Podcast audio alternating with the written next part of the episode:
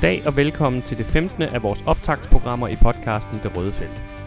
Vi optager i dag lørdag den 6. februar 2021.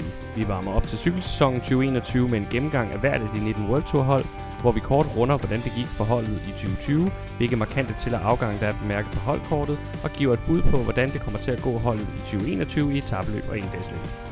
Du finder os alle de sædvanlige steder, hvor du normalt finder din podcast, det vil sige Spotify, iTunes, SoundCloud, Stitcher og diverse podcast-apps til Android. Mit navn er Peter Kromand, og med mig i studiet har jeg Miriam Brams. Vi gennemgår holdene i den rækkefølge, som vi tror, at de ender på UCI's verdensrangliste. Vi tager det dårligste hold først og bevæger os opad. I dag nærmer vi os toppen af listen med det hold, som vi tror bliver, bliver det femte bedste World Tour hold på ranglisten til den kommende sæson. Og det hold, det er tyske Bora Hansgrohe. Mere om hvorfor bliver Bora Hansgrohe det femte bedste World Tour hold i 2021? Det er et hop op af ranglisten på en placering i forhold til sidste år, og det hænger egentlig mest af alt sammen med, at øh, Sunweb-holdet, som endte foran dem sidste år, øh, dem tror vi får en markant dårligere sæson i 2021, som vi har talt om øh, i vores program om DSM, som holdet jo hedder i 2021-sæsonen. Derfor tror vi, at Bora kan hoppe forbi dem i 2021. Dermed ikke sagt, at Bora-holdet ikke også selv kan gøre det bedre, end de gjorde i 2020-sæsonen. Der er helt klart basis for fremgang, for de har hentet solide forstærkninger og spændende talenter ind i transfer. Der er også mulighed for, at en rytter som Lennart Kemna, der fik et lille gennembrud sidste år, kommer til fortsat at vise fremgang. Og der er ikke noget, der står i vejen for, at for eksempel den tyske sprinter Pascal Ackermann fortsætter med at køre masser af sprinterpoint hjem til dem.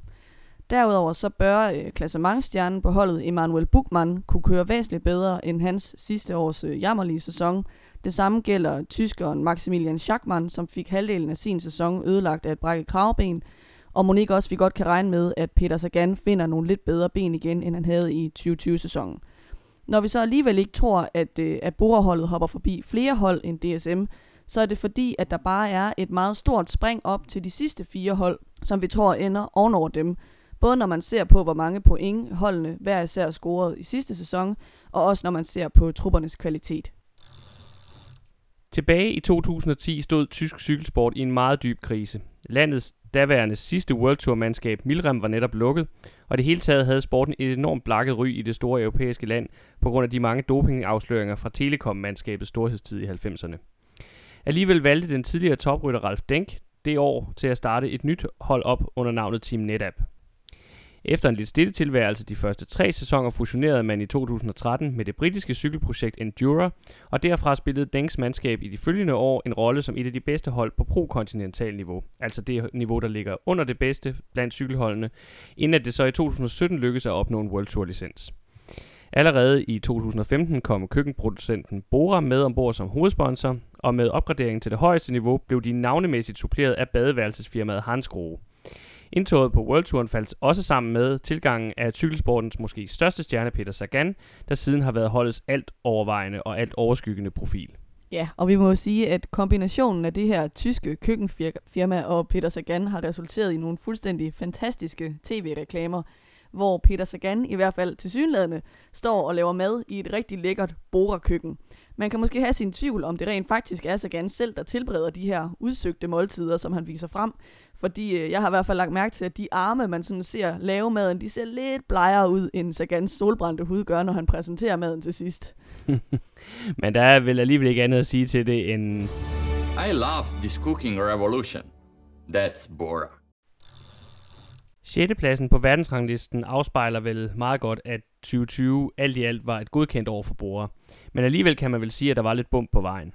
Ja, altså hvis vi skal tage bumpene først, så holdets største klassementsnavn, tyske Emanuel Buchmann, som havde Tour de France som sit helt store sæsonmål, styrtede, ligesom flere andre profiler i øvrigt, i opvarmningen til Tour de France i det franske ugetabeløb Dauphiné. Og selvom han så lykkedes med at komme til start i Tour de France, så fandt han ikke rigtig formen hverken i turen eller senere på sæsonen, så han lavede stort set ingen resultater øh, til holdet hele året. Bump på vejen var der også for øh, en anden tysk rytter på holdet, nemlig Maximilian Schachmann, han lagde egentlig rigtig godt fra land inden nedlukningen, for han vandt meget overraskende Paris-Nice, det her meget prestigefulde franske ugetabløb, der ligger tidligt på foråret. Øh, det var så ganske vist godt hjulpet på vej af, at den sidste bjergetappe blev aflyst, men ikke desto mindre, så trak han altså sejren hjem der. Og så lavede han øh, også efter øh, oplukningen en, øh, en flot syvende plads i monumentet Lombardiet rundt. Men på vej ind på opløbsstrækningen i Lombardiet rundt, der blev han kørt ned af en ældre italiensk kvinde i bil, som rimelig skandaløst altså havde formået at sætte sig ind i sin bil, der holdt parkeret på opløbsstrækningen, eller tæt på opløbsstrækningen. Og så gav hun sig ligesom til at bakke ud fra en sidegade, og kørte sig ind i, i Schachmann. Og han fik så en syvende plads alligevel at kunne køre i mål, men det kostede ham altså et brækket kravben, som vi har talt om tidligere.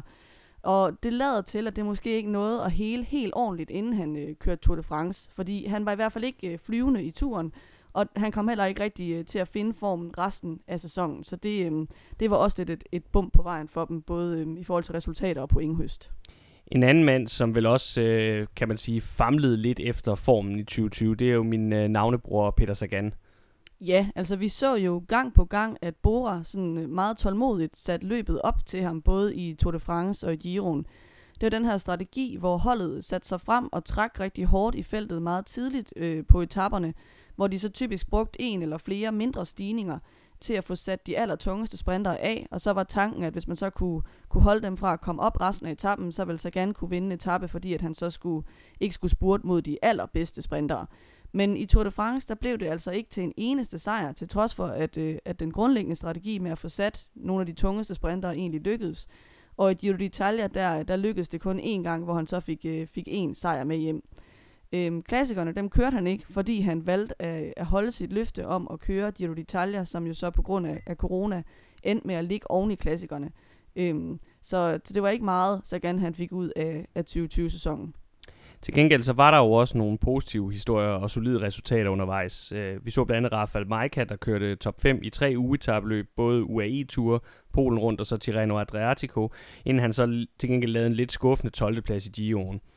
Øh, vi har som sagt den tyske øh, sprinter Pascal Ackermann, som vi også allerede har talt om. Han leverede varen med etappesejr i blandt andet Vueltaen og i Tirreno Adriatico, og så fik han også en tredjeplads til EM. Så havde vi østriske Patrick Konrad, som øh, gjorde det lidt bedre end Maika i Gion og endte på en samlet 8. plads. Og så var der jo det helt store gennembrud, nemlig Lennart Kemna. Ja, altså han må nok sige at være holdets helt store åbenbaring fra sidste sæson. Han havde i forvejen vist øh, rimelig gode takter, mens han kørte for Sunweb, men han tog klart et skridt op i niveau i 2020, hvor vi så, at han øh, i fraværet af, af Bukman, øh, efter han styrtede i Dauphiné, øh, tog en rigtig flot etappesejr i bjergrigt terræn i, i det løb, og også lavede en, øh, en samlet top 10 placering. Og i Tour de France, der lavede han også en rigtig, rigtig flot etappesejr. Men øh, for lige at vende tilbage til, hvor vi startede, nemlig bumpene på vejen, øh, så er deres opvarmning til 2021 heller ikke ligefrem øh, kørt øh, lige ud af landevejen. Øh, midt i januar, der blev syv af deres ryttere påkørt på en træningslejr. Blandt andre den nyindkøbte klassementstjerne Vilko Keltermann, som kom fra det her sammenstød med en bil med øh, både en hjernerystelse og en brækket rygvivl. Han mener selv, at det ikke burde gå ud over hans sæsonmål, som ligger lidt senere på efteråret og i Tour de France. Til gengæld så er hjælperen Andreas Schillinger noget værre tilrædt. Det er vist nok også med øh, et brud på ryggen, men som er lidt mere kompliceret. Og det er altså usikkert, hvornår han er tilbage øh, på cyklen igen. Ja, og så kan vi jo nærmest også lave en lille smule breaking, fordi det er nemlig kommet frem her til morgen, hvor vi optager, at der er tre ryttere på holdet, der er blevet testet positiv for covid-19, herunder superstjernen Peter Sagan. Så det må siges ikke at have været en ideel indgang til 2021-sæsonen for Bora Hansgrohe, men vi vil sige, at vi tror, at de kan rejse sig fra det. Vi har allerede kort været inde på det. De har hentet forstærkninger i transfer. Ja, der er først og fremmest to store signings i form af klassementsrytteren Vilko Keltermann, som vi allerede har nævnt. Det er ham, der sidste år blev nummer 3 i Giro d'Italia, men som så er kommet lidt skidt ind i 2021 med den her bilpåkørsel. Og så henter de derudover endnu en tysker til det tyske hold, nemlig Nils Polit, som er et rigtig stærkt kort i brostensklassikerne, men som godt nok skal rejse sig om på et rimelig dårligt og resultatløst øh, 2020. De mister dog også et par store navne. Først og fremmest er det selvfølgelig værd at nævne Rafael Majka, og så kan vi måske også lige øh, i hvert fald bemærke, at øh, Gregor Mühlberger siger farvel til holdet. Øh, selvom det måske ikke er det største navn, sådan rent resultatmæssigt, så er det trods alt en af deres 10 mest scorende ryttere fra 2020-sæsonen. Ja, og i begge rytter er det i hvert fald også nogle, øh, nogle virkelig solide superhjælpere øh, til for eksempel en, en øh, bookman i øh, klassementsløbene, som de mister. Vi kan også lige kort runde de talenter, som de får ind. Øh, der er en håndfuld af dem, dem, man skal holde mest øje med, det er nok især Belgieren Jordi Møs, der er belgisk U23-mester og ser ud til at køre rigtig godt på brostenene. Han har allerede vist sig lidt frem her i, øh, i opvarmningsløbene til 2021 også. Og så er der italieneren Giovanni Aliotti, som i 2019 blev nummer to i ungdommens udgave af Tour de France. Det løb, som hedder Tour de l'Avenir. Og hvis vi så lige kort skal tage danskerbrillerne på, så har de også signet det, det unge danske talent Frederik Vandal, der kommer til fra Kolokvikholdet, Et spændende og pur ungt navn, der allerede har vist sig flot frem i små belgiske og italienske endagsløb for ungdomsryttere. Ja, han er kun 19 år, så jeg tror, han er nok den yngste dansker på World nogensinde, i hvert fald så vidt jeg har kunne læse mig til.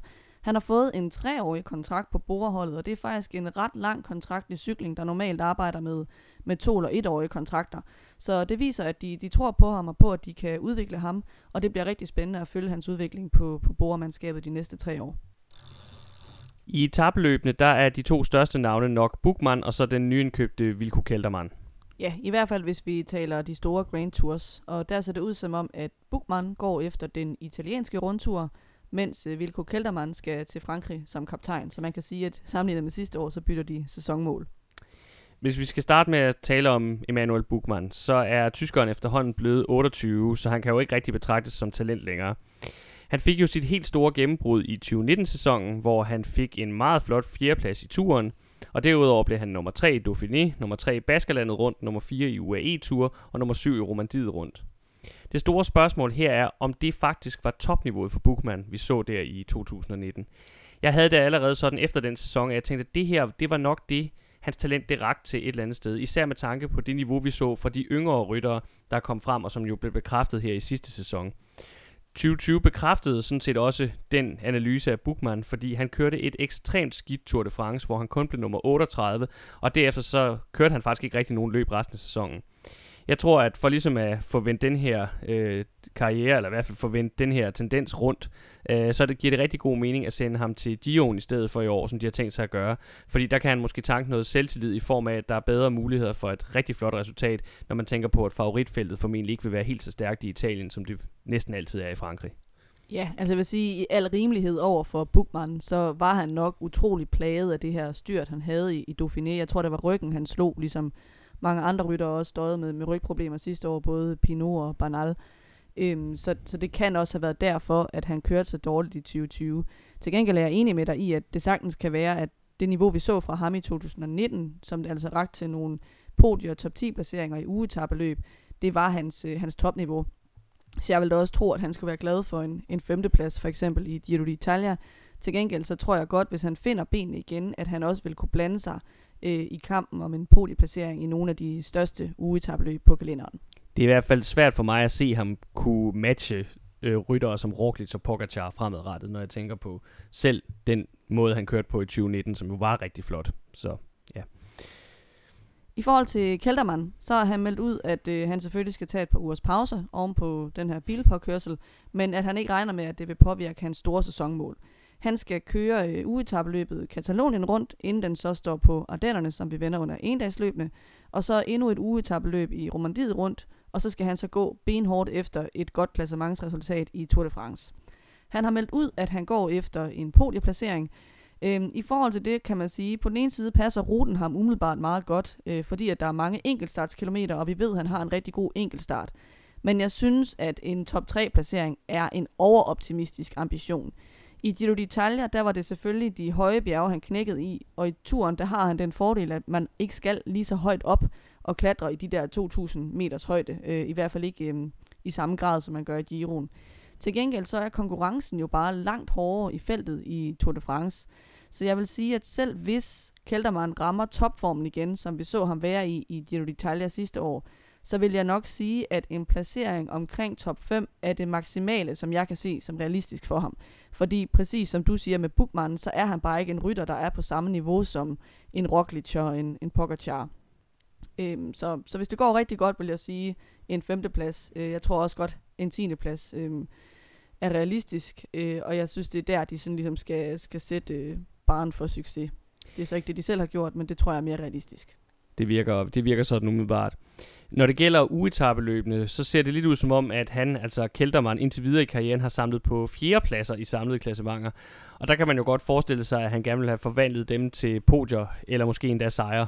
Ja, og den ambition tror jeg til gengæld væsentligt mere på. Altså i et løb som for eksempel Romandiet rundt, som han jo skal køre, hvor bjergene ikke er alt for stejle, og hvor der typisk er en, øh, en enkeltstart som centralt element, så er et podie eller en dansk sejr helt klart ikke øh, uden for rækkevidde. Så jeg tror øh, helt klart, at det kan blive spændende at se ham øh, køre de her to ugetabeløb, som han satser på.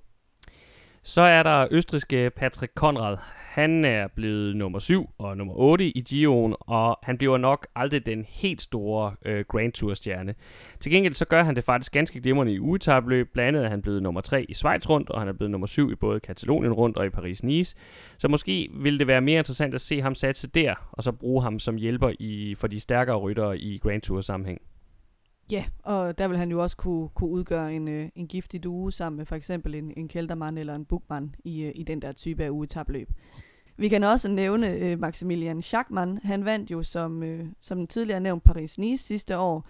Han er ikke en rendyrket bjergrytter, og han brillerer mere i sådan nogle ardenner-lignende øh, løb, som vi skal tale om senere, når vi snakker endagsløb.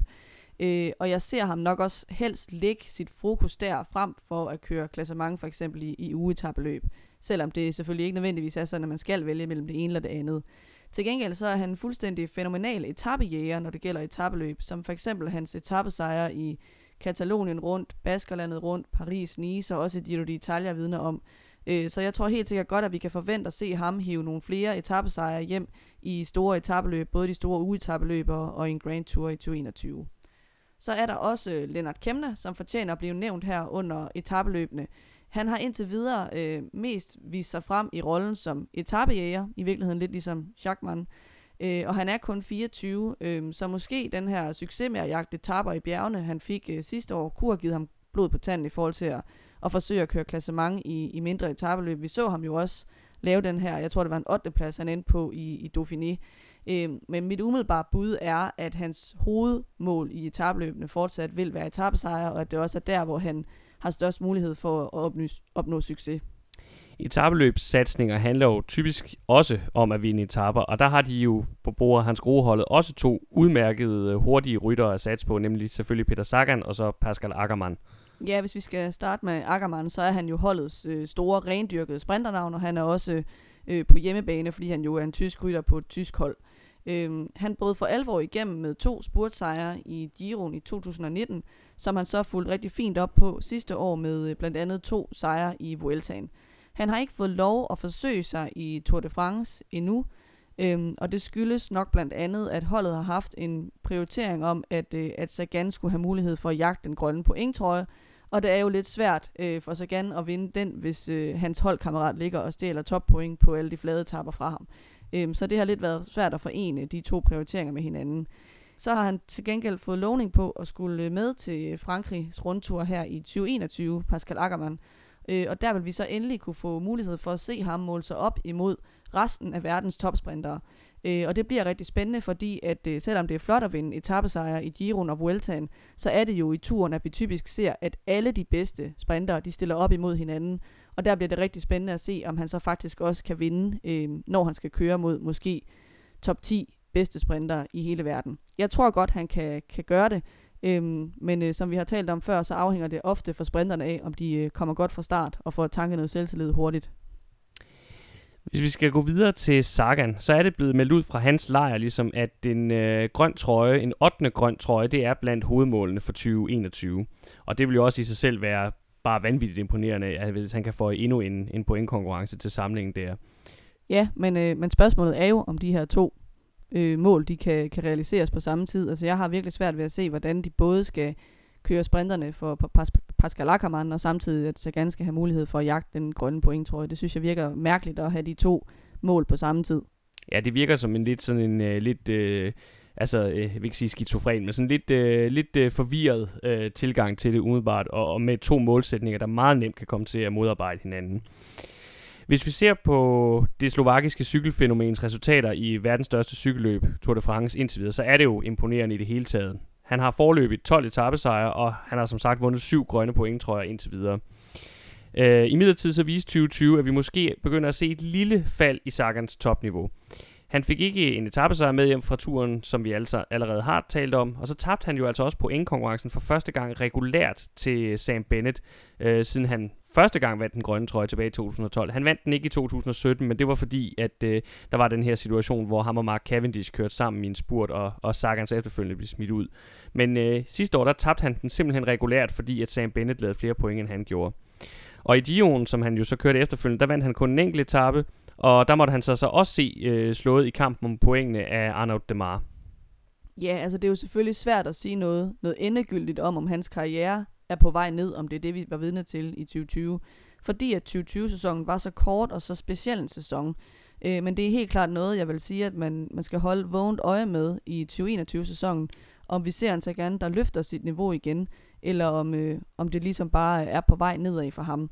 Hvis han løfter niveauet, så tror jeg måske mere på, at vi vil se det i klassikerne, end, øh, end i etabeløbene, hvor han jagter etabesejre, fordi at topfarten ikke er helt lige så afgørende i, øh, i klassikerløbene, som de er, når man skal, skal op og spurte om en etabesejr. Øh, men det er noget, vi snakker mere om om lidt, når vi vender en dags løbende. Så vil jeg bare ligesom afslutning sige, at både Sagan og Ackermann kan jo sagtens vælge at køre mere end en Grand Tour i år, hvis de ønsker det, og hvis de har øh, formen til det.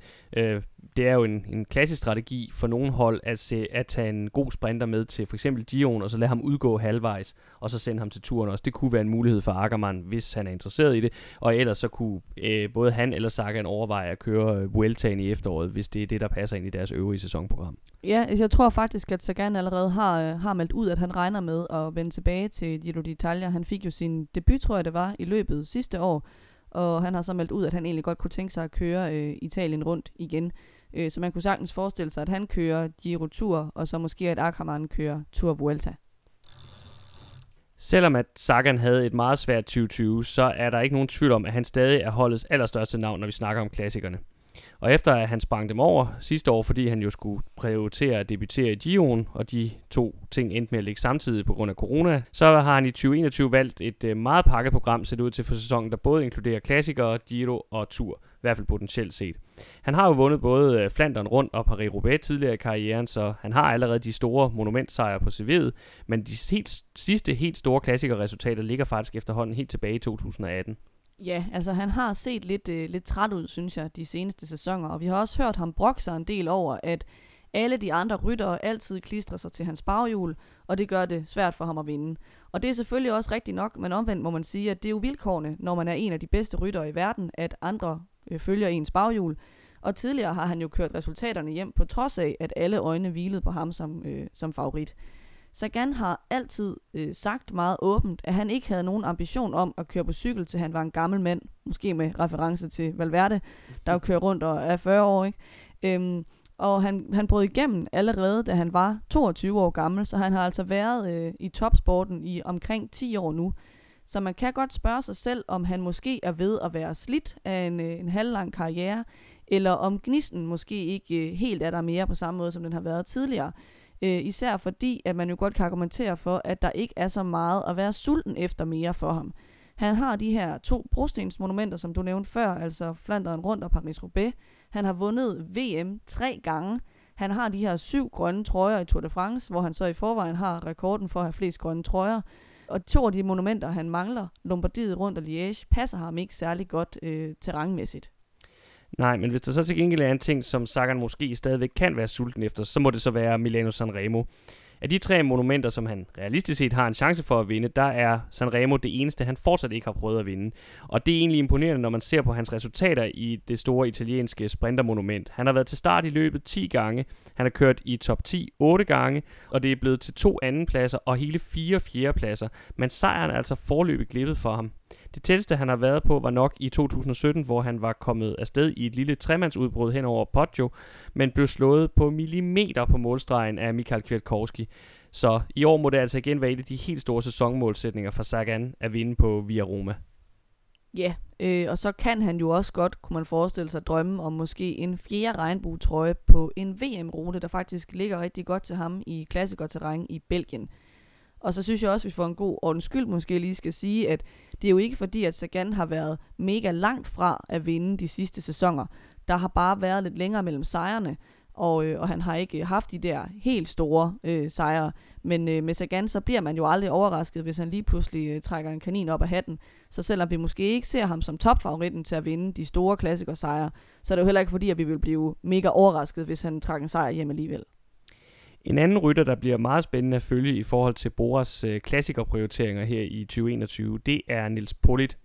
Det snart 27-årige tyske kraftværk er vendt hjem efter fire sæsoner hos Katusha, og så senest en sæson hos øh, Israel Startup Nation, hvor han kørte i 2020. Han er blevet sammenlignet med øh, Tony Martin på grund af sin størrelse og sit kraftfulde trøje, men i modsætning til der alte kraftværk, så er Polits spidskompetence til synligheden brostensløbende frem for enkeltstarterne. Ja, han brød jo sådan for alvor igennem i 2019, hvor han blev nummer to i Paris-Roubaix, øh, det her store monument, øh, Helvede i Nord, som det kaldes. Og han blev nummer 5 i et andet af de store monumenter, nemlig Flanderen rundt, og han blev nummer 6 i, e i 3, som også er et meget prestigefuldt øh, brostensløb. Til gengæld så havde han et virkelig anonymt øh, 2020, måske fordi at han øh, øh, lidt øh, uvilligt endte på Israel Startup Nation holdet, fordi det hold han kørte på, Katusha, øh, lukkede, mens han stadigvæk havde kontrakt med holdet, så da Israel overtog Katushas øh, licens, øh, så overtog de ligesom også nogle af rytterne, deriblandt øh, Niels Polit. Øh, han havde i hvert fald et, øh, et rigtig dårligt øh, 2020, så han skal se, om han øh, kan rejse sig i, i 2021, nu hvor han er kommet til hjemlandets øh, tyske World Tour hold. Han skal selvfølgelig som minimum forvente at dele kaptajnværdigheden med øh, Peter Sagan, men kombinationen af de to, tror jeg virkelig kan vise sig at blive, øh, blive rigtig giftig, hvis de formår at udnytte, at de har to stærke kort i de her klassikerløb. Holdets øh, store navn til Ardennerløbene, det er tyske Maximilian Schachmann, som vi også allerede har nævnt. Han har en tredjeplads i Liège-Bastogne-Liège, en tredjeplads i Strade Bianche, en femteplads i Amstel Gold Race, en femte og en ottendeplads i Flesh Vallon, en syvendeplads i Lombardiet og en elfte plads i Drone Classic på sin palmarès.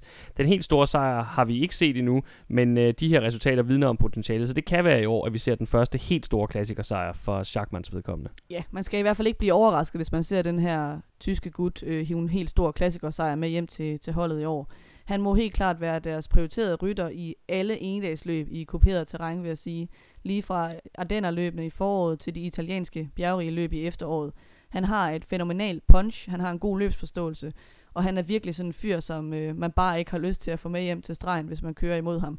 Øh, I hvert fald ikke, når det går kort og stejlt opad, der er han virkelig, virkelig giftig.